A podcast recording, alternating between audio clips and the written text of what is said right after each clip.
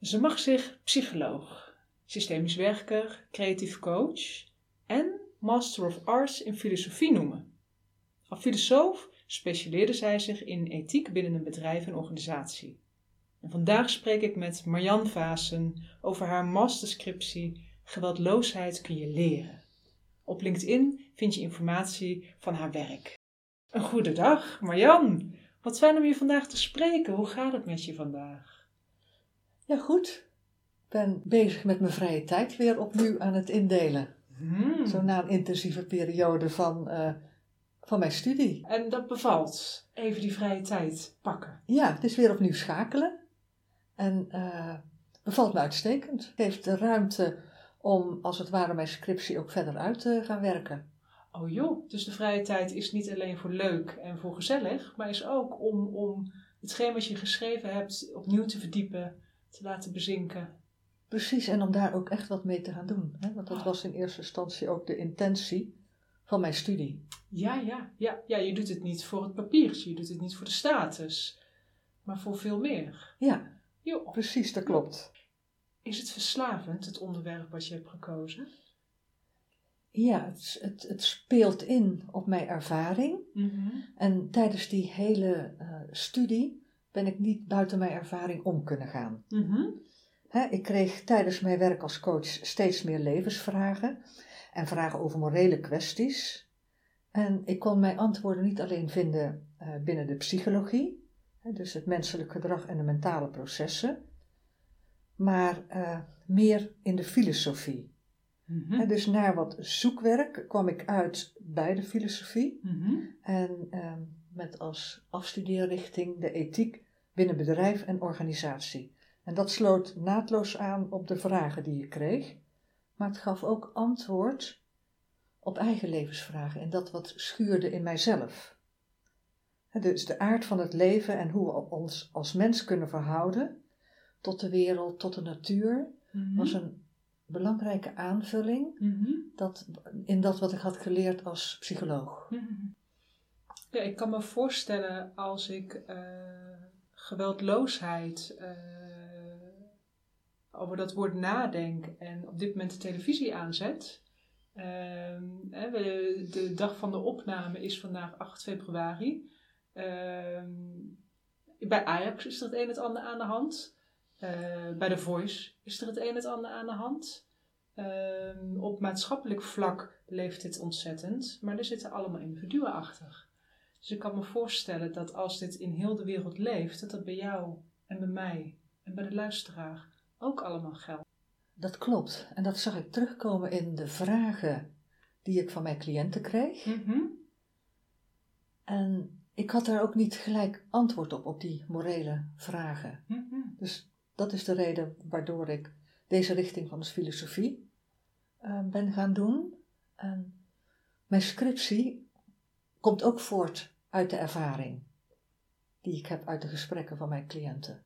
En, je, en precies wat je zegt is een maatschappelijk vraagstuk. Maar het speelt ook bij de individuen zelf. Hoe moeten ze daarmee omgaan als ze daarmee te maken krijgen?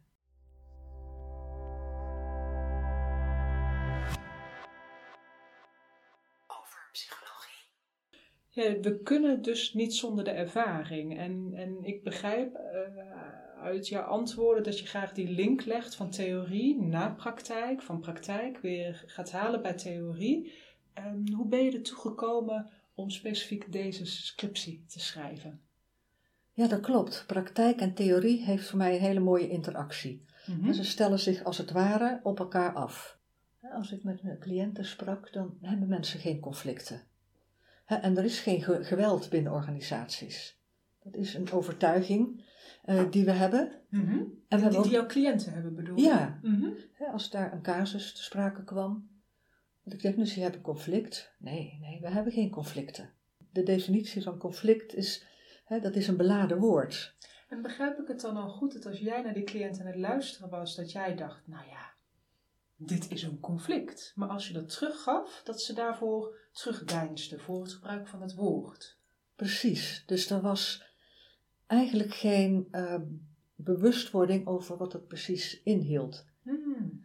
En met mijn scriptie probeer ik, of heb ik geprobeerd, om filosofische aandacht te geven aan conflicten en geweld binnen organisaties. En om tot een geweldloze oplossing van uh, conflicten te komen, die zowel goed is voor de medewerker als de organisatie. Dus naast dat mensen geen conflicten hebben, zag ik ook binnen mijn werk als coach dat er medewerkers zijn die moedig zijn en op een waarachtige en rechtvaardige manier voor zichzelf op uh, durven komen. En dat intrigeerde mij ook. Hmm. Dus die twee aspecten van moed en geweldloosheid mhm.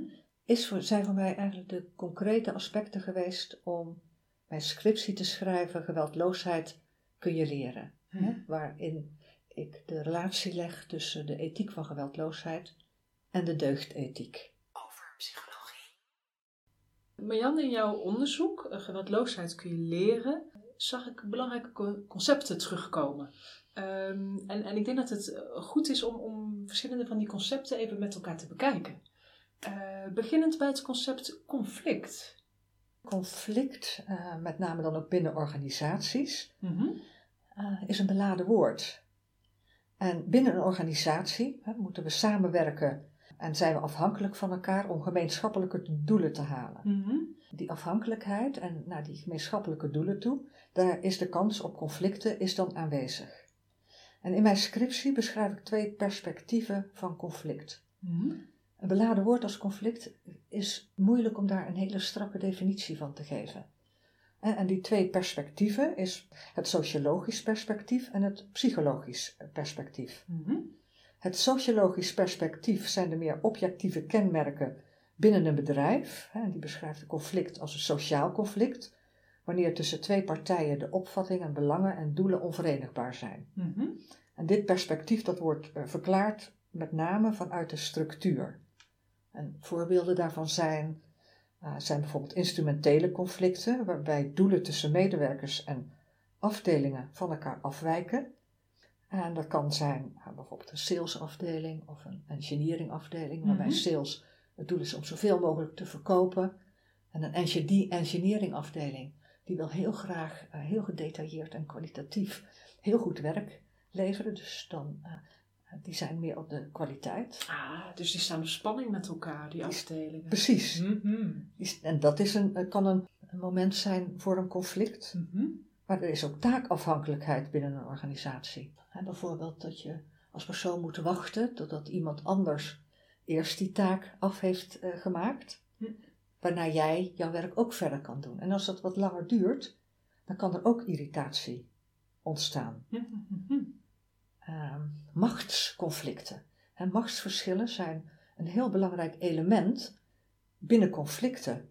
Het gaat daar vooral om de controle en beheersing en autonomie. En verkeerd gebruik van macht kan een conflict en zelfs geweld tot gevolg hebben. Maar de uitkomst van een conflict wordt niet alleen bepaald door het sociologische perspectief, mhm. maar eerder door de mensen zelf. En dan kom je op het psychologisch perspectief. Mhm. Uh, wanneer tenminste een van de partijen het sociaal conflict als onverenigbaar uh, beleeft, mhm. uh, met zijn eigen belangen en doelen, en hierop vijandig reageert. Zoals ik het nu begrijp, vanuit het sociale aspect kunnen we zeggen: oké, dit is een conflict, maar het kan zijn dat iemand het niet als conflict ervaart. Precies. Wat er feitelijk ligt doordat twee groepen met elkaar samenwerken of twee mensen met elkaar samenwerken, kan een conflict ontstaan. En hoe ik het beleef, dan hebben we het over andere definitie van het begrip conflict. Ja, dan heb je het psychologische conflict. Aha. En de mens kan daardoor ook emotioneel en vijandig gaan reageren, want er verandert wat in de psychologische emotionele structuur. Mm Waardoor het dus een, een, een reactie, actie-reactie op gang kan komen, een patroon van goh, ik ben eigenlijk geïrriteerd door wat jij doet. En daardoor raak jij, doordat ik dat ongelukkig uit, geïrriteerd op mij. En waardoor ik denk, nou zie je wel, wat is het toch een gemenerik. En zo gaan we door met elkaar. Precies, en zo, zo uh, gaat dat geleidelijk aan, kan dat erger worden. Ah, zo. Er is een groei in dat conflict. Over psychologie. Dus naast uh, wat de perspectieven zijn van een conflict, hebben we als mensen ook een negatieve overtuiging van conflicten. En die belemmeren het ook eh, om goed met conflicten om te gaan. Hmm. Ehm, maar conflicten hebben zeker ook een positieve functie. Mhm. Het kan de lucht klaren. hè, mensen kunnen op een goede manier leren opstaan voor zichzelf. Eh, als er volgens de medewerkers geen conflicten zijn, wordt het onder de tafel gehouden en komt het in het informele circuit. Dan kan het eh, management daar ook niks mee. Dan komt het niet binnen de organisatie. En daarnaast kan een conflict ook escaleren. Als de emmer vol is, Mhm. nou, dan kan het gaan barsten, waardoor partijen ook hardere strategieën gaan gebruiken. En dan komt er met name die psychologische verandering op emotioneel vlak. Dan wordt het grimmiger, er kunnen dingen gezegd worden die niet zo bedoeld worden. En als het ware kan dan de woede, die we allemaal in ons hebben, Mhm. kan op een ongecontroleerde manier naar buiten komen. En op zo'n moment, vooral, heeft geweld dan ook een goede voedingsbodem. Conflict lijkt dan niet het probleem, maar geweld is dan meer het probleem. Mhm. Dus als ik het goed begrijp, is vanuit een sociologisch perspectief kunnen de conflicten eh, plaatsvinden. Dat is niet erg.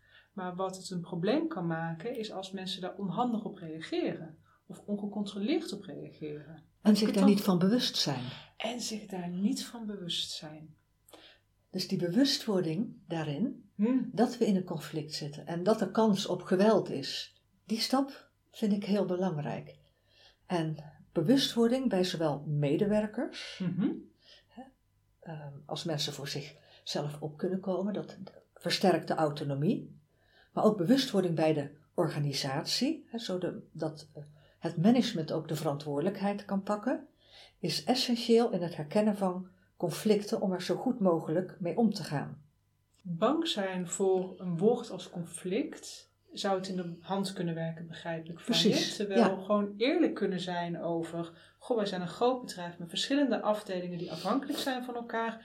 Er zullen conflicten gaan komen, maar daar hebben we het over en daar lossen we op met elkaar. Dat zou de betere Ja, als daar, zijn. ja, precies. Als daar bewustwording over eh, ontstaat en ook het idee dat conflicten eh, ook een positieve uitwerking hebben, Mhm. Dat helpt om die conflicten voor alle partijen, zowel organisatie als medewerker, Mhm. hè, om met elkaar in gesprek te komen Mhm. en daarover te spreken, zodat er een, een, eh, ja, als het ware de beste oplossing uit kan komen voor beide partijen. En dan heerst er ook nog het idee dat we binnen organisaties ook conflicten geweldloos op willen lossen. Ah ja, ah ja, ja, ja, ja. Ik begin het nut te zien van hoe belangrijk het is om zo'n concept als, als conflict te begrijpen. Want dat zorgt voor bewustwording en het geeft een kans. Dan wil ik ook nog dat tweede concept hè, van eh, geweld en geweldloosheid. Dat zou ik ook wel willen begrijpen. Over psychologie. Ja, geweld en geweldloosheid. Theorie van Judith Butler, The Force of Nonviolence. En zij zegt, als we conflicten geweldloos op willen los- lossen, eh, moeten we eerst geweld begrijpen. En zij heeft daar een politieke dimensie aan, omdat we binnen het huidige liberale politieke debat, hè, dat daar speelt al een eeuwenoud krachtenveld van geweld. En zij baseert dat op een fictief verhaal van een natuurtoestand van een onafhankelijke individuele volwassen man, misschien wel zelfs de witte man. Zij haalt het verhaal van Crusoe aan. Op dat onbewoond eiland, wanneer anderen ten verschijnen, ontstaat het conflict. Het miskent in dat principe eh, dat het individuele bestaan fun- fundamenteel verbonden is aan een ander. Dus in dat fictieve verhaal Mhm.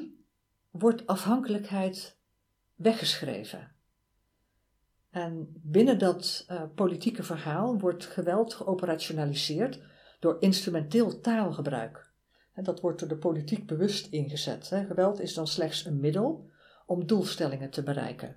Hè, waarmee politiek zich ook rechtvaardigt om geweld in te zetten. Je ziet het ook bij vreedzame protesten. Mhm. Daar staat al de ME en de politie staat al klaar om in te grijpen vanuit de rechterlijke macht. Mhm. Omdat het kan zijn ook dat die vreedzame protesten ook als gewelddadig bestempeld worden. Mhm. En dat daardoor de rechterlijke macht zich ook rechtvaardigt om geweld in te zetten. In Amerika ook bij bijvoorbeeld een zwart wegrennende man. Maar hier in Nederland heb je dat ook, geweldzame, uh, vreedzame protesten. Dan ontstaat er eigenlijk ook zo'n patroon, dus waar we het net over hadden bij het psychologische perspectief. Omdat ik denk dat jij misschien wel, ga ik alvast, waardoor jij precies. En zo krijgen we een soort van self-fulfilling prophecy. Begrijp ik het dan goed? Ja, maar ook vanuit uh, de rechterlijke macht. Mhm. En wij zijn er al ook helemaal uh, op ingesteld dat die er staan. Ah ja, ja precies. Ja, ja, ja. ja. Dus, dus uh, waar we dan uh, dat in twee individuen kunnen hebben, kunnen we dat ook in, in, twee groeperingen hebben. Bijvoorbeeld de politiek ten opzichte van het volk. Of precies. de volk ten opzichte van de politiek. Ja, uh, precies. En zij wil van dit fictieve verhaal, mm-hmm. gaat zij als het ware naar een nieuw radicaal egalitair denkbeeld. Waar een belangrijk element is in haar verhaal dat alle levens het waard zijn om te leven, maar ook om over te rouwen. En zij zegt dat we het opnieuw moeten overdenken hoe de sociale banden zijn en naar een wederzijdse afhankelijkheid toe moeten gaan en een sociale uh, gelijkheid. Dus het narratief, zegt zij, waarmee wij in de problemen komen, is het verhaal van, goh, uh, er is iemand de baas over een ander. En waar we naartoe zouden moeten gaan is, we hebben elkaar nodig. En we zijn alle twee waardevol. Precies. En die wederzijdse afhankelijkheid is bij haar de basis voor de ethiek van geweldloosheid. He, want we worden uh, afhankelijk geboren en we zijn altijd afhankelijk van elkaar, maar ook van de wereld. We hebben de, de natuur nodig. Over psychologie. Ik denk dat ik begin te begrijpen waarom het dan belangrijk is om zowel geweld als geweldloosheid te onderzoeken. Want het lijkt erop alsof uh, de kracht van het geweld nodig is om geweldloosheid te kunnen uh, bekrachtigen. Helemaal waar. Het is inderdaad uh, geweldloosheid met verzet, met kracht. En de kracht komt dus eigenlijk vanuit dat geweld, maar je gaat die kanaliseren. Precies. In geweldloosheid. En, en wat er gekanaliseerd wordt, is woede. Oké, okay, oké. Okay. Daar gaan we later echt nog over hebben. Want ik heb het erover gelezen in je. Dat vind ik interessant. Maar voordat we dat doen, wil ik even een bruggetje maken met Jan. Want we hebben het over het maatschappelijke en over het individuele uh, conflict en geweld gehad. Maar mensen zitten 40 uur per week in een organisatie. En die werken daar. En hoe hebben zij te maken met dit geweld en die geweldloosheid? Ja, daar speelt het dus ook af. En het is niet heel groots en meeslepend. Mm-hmm. En geweld staat ook een beetje het vermogen om anderen schade of leed toe te kunnen uh, uh, brengen. Dat wordt vaak geassocieerd met woorden als angst, pijn en verdriet. Mm-hmm. En binnen een organisatie kan het gaan over subtielere vormen als intimidatie, als chantage, machtsmisbruik, pesten, discrimineren hè, of bedreigingen. En, um, dus het moet niet alleen geassocieerd worden met grootse meeslepende misstanden, maar juist met het banale en vanzelfsprekendheid, daarbij uh, niet minder frustrerend, ongemak dat mensen ervaren in de dagelijkse bezigheden. En, uh, ja, en terwijl je dit zegt, Marjan, zie ik jou zo nu dan vuist te maken. Hè? Zo, zo, zo. Mm, want ik, ik, ik, ik versta die frustratie wel. Noem het maar klein, maar discriminatie, ongelijkheid, pesterijen, eigenlijk heel groot. En dan kunnen wij als mensen net onze vuisten zo ballen, kunnen dat voelen, hè? Mm. We kunnen het voelen, inderdaad, uh, Mirella. En, en je ken, herkent het geweld ook als bijvoorbeeld afkappen van gesprekken. Uh, mensen worden monddood gemaakt. Hm? Of er wordt gezegd, jij snapt hier toch niks van. He, je moet naar mij luisteren en de cijfers aanpassen zoals ik het zeg. Zoals Judith Butler ook beschrijft, binnen haar ethiek van geweldloosheid hebben we de ambivalentie mm-hmm. van uh, woede en liefde in ons. Over psychologie.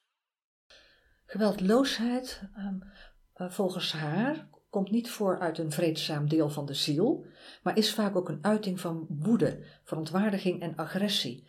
En zij verbindt hier de agressieve geweldloosheid aan ook de zielskracht van Gandhi. Die geweldloosheid ongeveer bestempeld als een geweldloze kracht die eruit bestaat dat waarheid een persoon met weergaloze kracht kan wapenen. En het is belangrijk dat uh, we in kunnen zien hoe we met agressie om kunnen gaan zonder het te onderdrukken. Het ook kunnen controleren. Mhm. En volgens de psychoanalyse die Judith Butler ook beschrijft, Mhm. er zit een ambivalentie in de mens tussen woede en liefde. Dus de psychoanalyse, dat is het stuk onbewuste wat zij beschrijft, die ik ook heel interessant vond, want het is wat controversieel ten opzichte van de analytische filosofie. Mhm. En dat vond ik juist wel heel interessant dat zij die ook gebruikte, omdat je mijns inziens dat onbewust ook nodig hebt om naar nieuwe oplossingen te kunnen gaan. Hoe we omgaan met woede, daar heeft de psychoanalyse ook wel een interessante, interessante visie over. hè. Dus als het ware een model van sociale relaties, het ik en het jij. Mhm. En het geeft ook een manier om na te denken over die ambivalentie. Als we een stukje van Freud pakken, die beschrijft ook de twee ambivalente driften in ons. Hè, de woede, thanatos, en liefde, eros. Dat we altijd ondervinden in de band van die eh, sociale relaties. Tussen jou en mij. Tussen jou en mij. Precies, zowel thuis, maar dat hebben we ook binnen het werk. Eh, Team A, team B. Werkgever, werknemer. Ja. Ja, ja, ja. Mm, maar ook tussen de medewerkers onderling. Dus die driften spelen altijd een, een rol. Mhm. En het is belangrijk dat we daar ons ook bewust van zijn. Dat we de woede niet weg moeten drukken, want die is daar. Mhm. Hè, daar komt het, het systeem volgens Freud ook tegen in opstand. We kunnen dat niet eh, wegdrukken. En dus wederom zeg je, goh, als we dit begrijpen van onszelf, als we ons onderbewuste begrijpen, dan kunnen we het ook controleren en beteugelen. En dan kunnen we dus ook iets heel krachtigs inzetten als oplossing. Precies. Als we begrijpen van onszelf dat we zowel woede als liefde hebben, Mhm. We zijn ons daar bewust eh, van, dat is een krachtig middel, want dan lijkt het alsof we het gecontroleerd naar buiten kunnen brengen.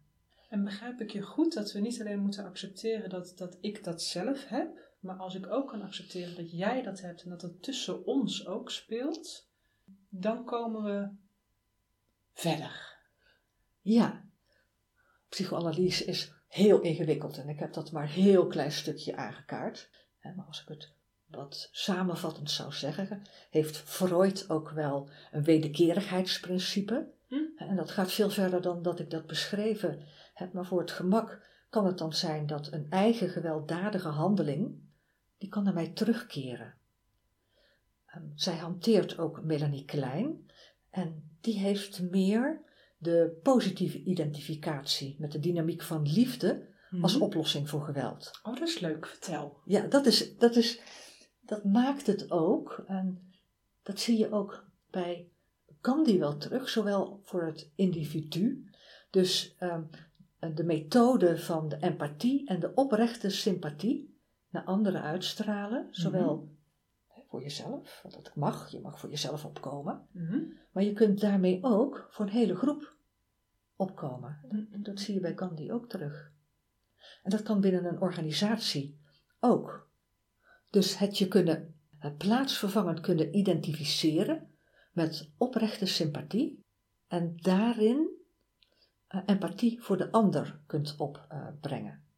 Want zij zegt ook het verlangen om mensen gelukkig te maken is verbonden met sterke gevoelens van verantwoordelijkheid en bezorgdheid en oprechte sympathie met anderen. En dat houdt in dat we ons in de plaats van andere mensen kunnen stellen. Dus op die manier brengt die identificatie ons dichter bij de mogelijkheid voor anderen op te komen. Mhm.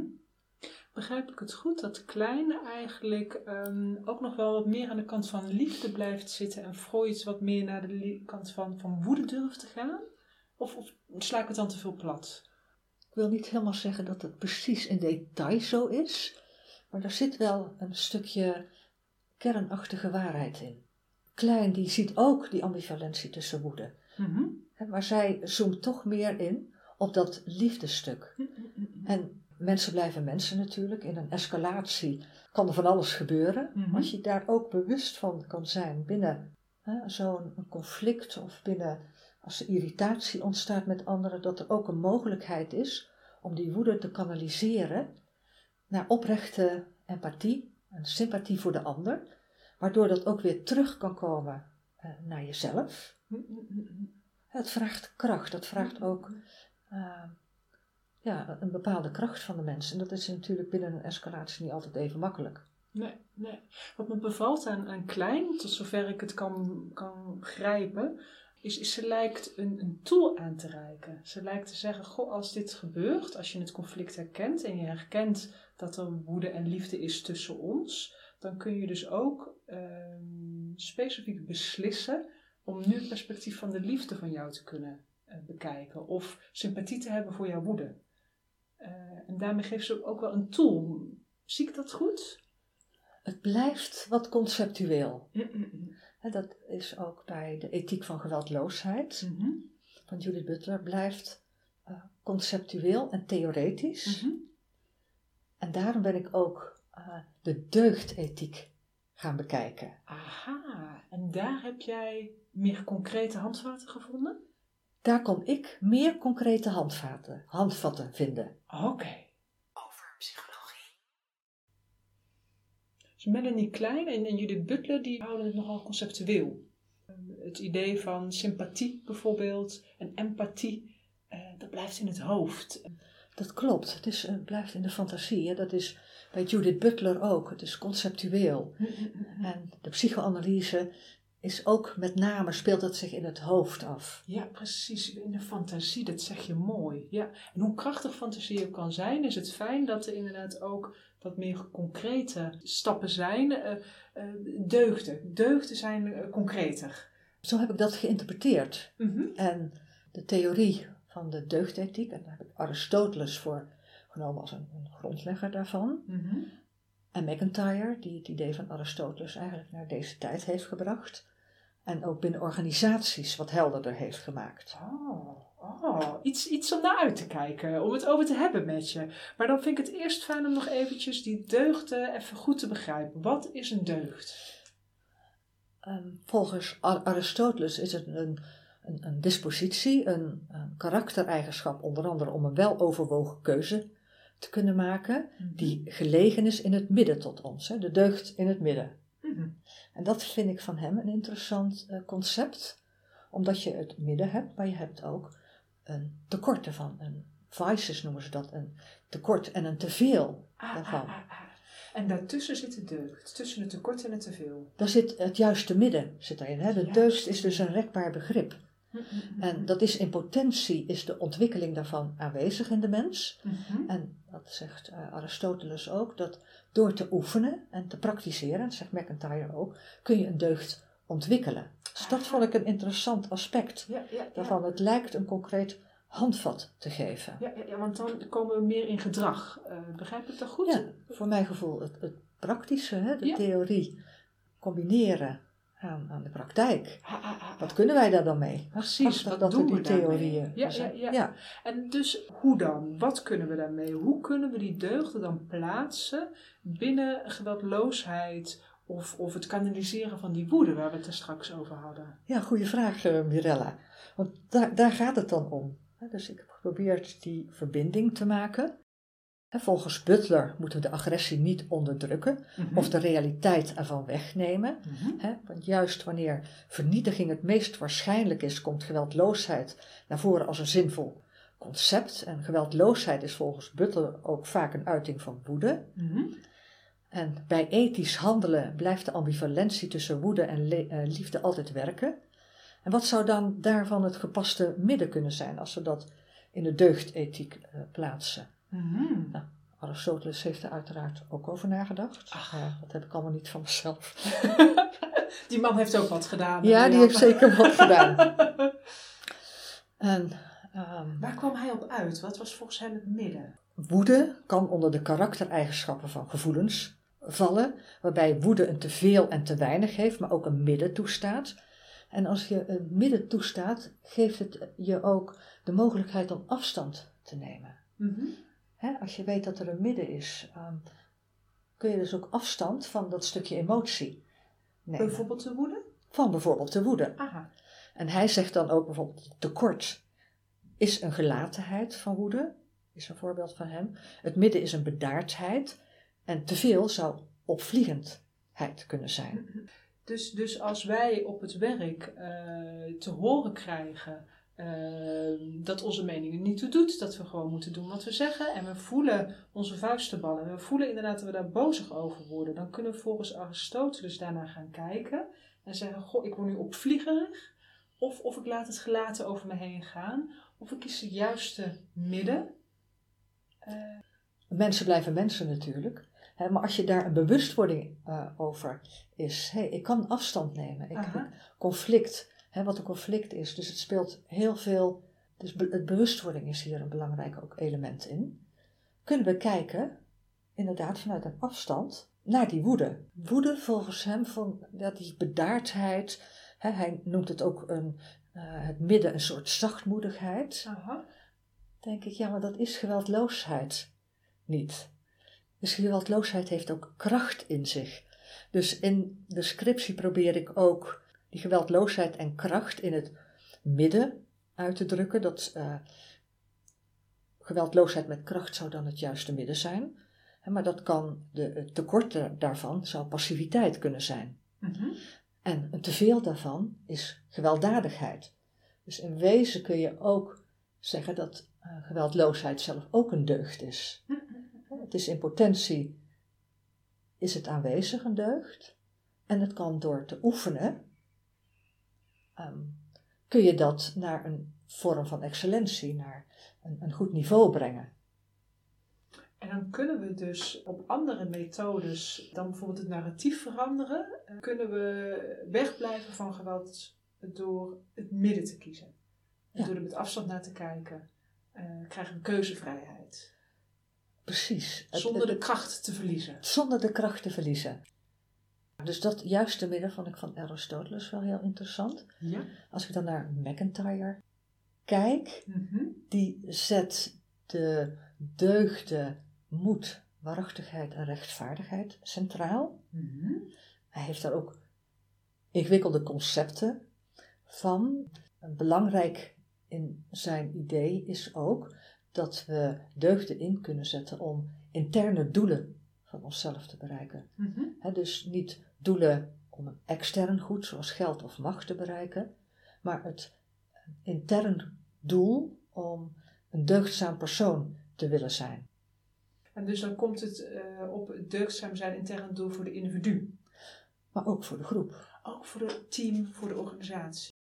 He, want hij beschrijft dan organisaties aan de hand van praktijken, dat is een sociale activiteit en met standaarden van voortreffelijkheid en regels en realiseren van doelen die verbonden zijn aan interne goederen.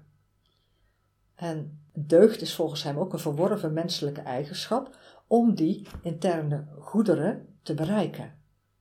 En om dat te kunnen bereiken, zegt hij, hebben we de deugden moed, rechtvaardigheid en waarachtigheid nodig.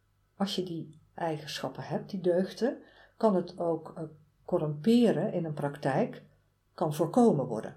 Dus Mhm. mensen die opstaan, die zijn moedig, hè, ze, zijn, ze willen eerlijk naar buiten treden wat zij van, uh, van bijvoorbeeld een organisatie vinden. En ook de rechtvaardigheid is daar een belangrijk element in.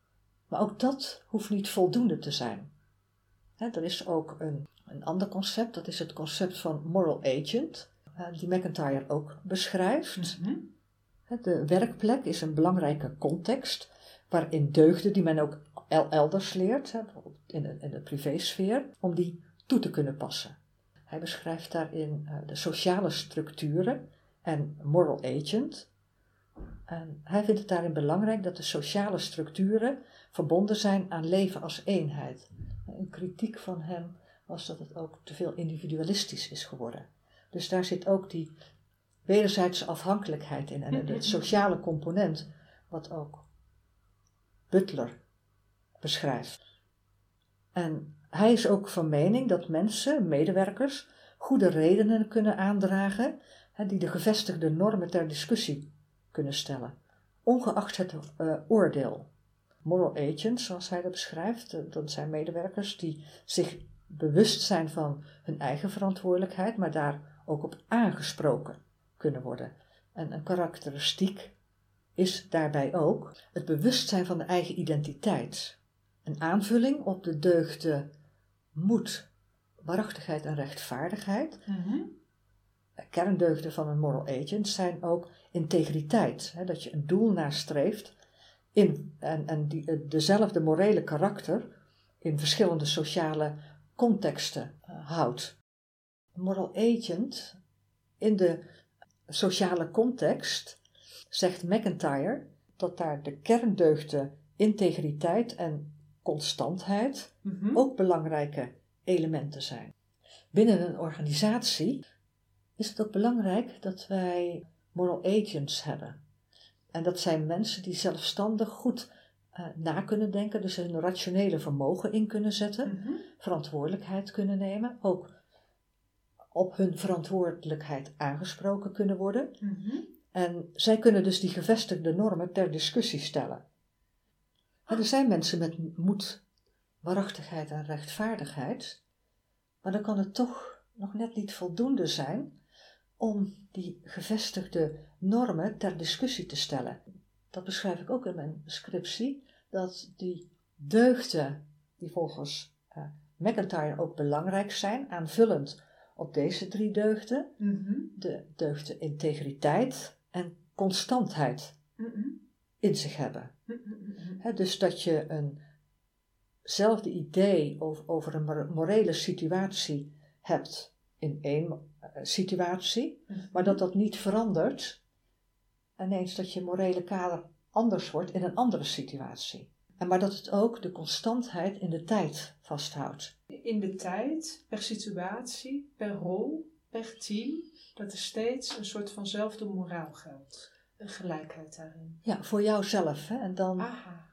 is dat moral agent aspect is een interessante toevoeging Oh. op die deugden, moed, rechtvaardigheid en waarachtigheid. En, en, dit stuk is weer een interessante om naast de geweldloosheid te leggen. Precies, Mirella. Mhm. Kijk, ik zeg het nou allemaal heel kort, maar dat zijn zulke brede, ingewikkelde theorieën waar al zoveel over verteld is. Dus ik heb geprobeerd om geweldloosheid ook als deugd te zien. Uh, daar is een midden in, omdat een deugd kun je leren, is in potentie aanwezig. Aha, aha. Dan zou het zomaar kunnen zijn als je geweldloosheid als deugd ervaart, Mhm. door het te oefenen en dat eh, geweldloosheid met kracht door op te staan, hè, waardoor je ook integer en constant mag zijn. Hè. Mhm. Want Mhm. die constantheid komt bij Butler ook terug. Je moet standvastig zijn. En als je Gandhi voor ogen houdt, die kon blijven staan en die is ook standvastig. Ja, ja, ja. Ik las in jouw scriptie de zin volhouden onder omstandigheden. Dat Precies, vat het zo mooi samen. precies. En dat kun je als persoon, als medewerker, in welke functie ook. Want alle medewerkers, in welke, zowel managers als niet-managers, eh, iedereen heeft die ambivalentie in zich van woede en, eh, woede en liefde. Mhm. Iedereen heeft die bewustwording nodig. En die deugdethiek gaf voor mij een soort handvat en de hoop, hé, we kunnen het leren. Ah, Ook al kunnen we het nu niet, we kunnen het leren. Maar dat is, want je zegt inderdaad, we zeggen het nu zo heel erg makkelijk, maar hier gaat jaren overheen om dat, om dat te kunnen doen. Maar dat is niet erg, want we kunnen het leren. Het geeft hoop. Het geeft perspectief. Ja, dat klopt. En dan kom ik bijna ook al tot de conclusie van mijn scriptie dat de politieke filosofie van Butler, die is toepasbaar op organisaties, hè, want er zijn conflicten, er zijn ook geweld. Dus kunnen we, we kunnen het trekken naar de omgeving van de werkvloer. Mhm. En de deugdethiek geeft de mogelijkheid om dat praktisch toe te passen. En als antwoord op mijn onderzoeksvraag, welke deugden en voorwaarden zijn om conflicten binnen organisaties geweldloos op te lossen, Mhm. dat zijn de deugden moed, rechtvaardigheid, waarachtigheid, integriteit en standvastigheid. En ook de deugd geweldloosheid. Die deugden, daar kun je mee werken om conflicten ook geweldloos op te lossen binnen een organisatie. En zo heb jij als, als filosoof eigenlijk gebruik gemaakt van het werk van andere filosofen, andere belangrijke denkers, ook een stuk psychologie. Die heb je in elkaar gevlochten op een manier wat nog niet eerder op die manier gevlochten was. En je hebt er nog een eigen sausje overheen gedaan, namelijk je eigen uh, gedachte over dat uh, geweldloosheid ook een deugd is. Precies, dat klopt. En wellicht zal Gandhi daar ook over nagedacht hebben. Maar ik heb toch die link willen leggen. Mm-hmm. En uh, dat geweldloosheid ook een deugd kan zijn. Hè? Met de ondersteunende deugden van McIntyre. Hè, de mogelijkheid om het juiste midden te kiezen. Ah. En geweldloosheid is dan ook een deugd. Maar dan het krachtig verzet en de positieve identificatie. Dat stuk. Dat je dus uh, voor jezelf op kan staan, maar ook door medewerkers voor medewerkers. Dus Mhm. ook voor de hele groep op voor kan staan. elkaar. Voor elkaar op Aha, kan staan. aha, ja. Omdat ieder leven het waard is om te leven en om om te rouwen. Ook binnen organisaties. Mm. Hè, En dat concept van geweldloosheid als deugd, dat zou nog veel verder uitgewerkt eh, moeten worden. Maar dat vond ik wel een krachtig stuk. Mhm. Dat ieder, elk leven is het waard om te leven, maar ook om over te rouwen. Mhm. En we kunnen het leren, een deugd kunnen we leren. Dus geweldloosheid kunnen we leren. En Aha. die deugden kunnen we allemaal inzetten als we ons daar bewust van zijn. Als we ons bewust zijn Precies, dat is nou. van het conflict. Van hoe geweld en geweldloosheid in elkaar En zitten. van de patronen en de worstelingen die ik heb, jij hebt en wij hebben. Eh, Precies. Als we daar allemaal bewust van zijn, dan kan ieder gewoon mens, jij en ik, ehm, kunnen daarin leren en kunnen daarin falen en het de volgende dag weer beter doen en weer beter falen. En zo bouwen we met elkaar. Helemaal goed, eh Mm. Mirella. En dat, dat, is, dat is een hele mooie conclusie die voor mij ook de hoop geeft dat we er iets als mens aan kunnen doen. En in die zin denk ik dat jouw scriptie en jouw onderzoek ehm, een- bijdrage geeft in, in die stap naar boven, in die stap vooruit. En ik hoor dat je zegt, oh er zijn nog zoveel stappen te zetten en dat zal ook. Deze stap heb je genomen. Ehm, ik ben nog nieuwsgierig, nog, nog, nog een laatste vraag die ik er doorheen pers. Jij werkt met eh, organisaties, zijn jouw opdrachtgevers. Je werkt met eh, mensen die werken in die organisaties, dat zijn jouw coaches, eh, de mensen die je begeleidt. Dit weet jij nu, deze stap heb jij voor hen genomen. En eh, hoe ga je dat in jouw dagelijkse werk uitrollen? Ik geloof erin dat doordat ik deze kennis op heb gedaan, dat het Mhm. zich gaat ontvouwen. Het gaat Mhm. zich tonen in de wereld. En dat zie je ook al in het nieuws, maar ook binnen organisaties. En ik heb er vertrouwen in dat ik daarop in kan spelen nu, omdat mijn blikveld wellicht eh, breder is eh, geworden. Bewustwording. Bewustwording, Aha. ja, dat geldt voor mij net zo goed. Ja, ja, je zei het in het begin al, hè? ook voor jou individueel. Ik ben er inderdaad bewuster van geworden dat ik de juiste elementen kan zien en daarmee aan de slag kan gaan. En in wezen is deze podcast er ook al een, voor, een voorbeeld van. Ik denk het absoluut. Dat mensen die hier naar luisteren, die nemen daar wat van mee. Daar blijven zaadjes achter. Maar ik ook. Ik ook. Het, het vraagt me toch weer op op een andere manier. Dankzij jou, dat je dat aan mij gevraagd hebt, moet ik het ook weer herstructureren in mijn hoofd. En daar ontstaan ook weer zaadjes in van, oh ja, ik kan daarmee verder. En omdat we het kunnen leren, kunnen daar heel veel praktische tools aan vasthangen. En wat ik daar precies mee ga doen, is nog niet eh, concreet te verwoorden. Misschien omdat het ook nog niet concreet is. Maar ik wil jou in ieder geval hartelijk bedanken voor deze mogelijkheid. Ik, ehm, ik neem je dank aan. Ik wil jou natuurlijk ook bedanken, want wat jij omschrijft in wat jij leert vandaag, eh, dat geldt voor mij ook zo.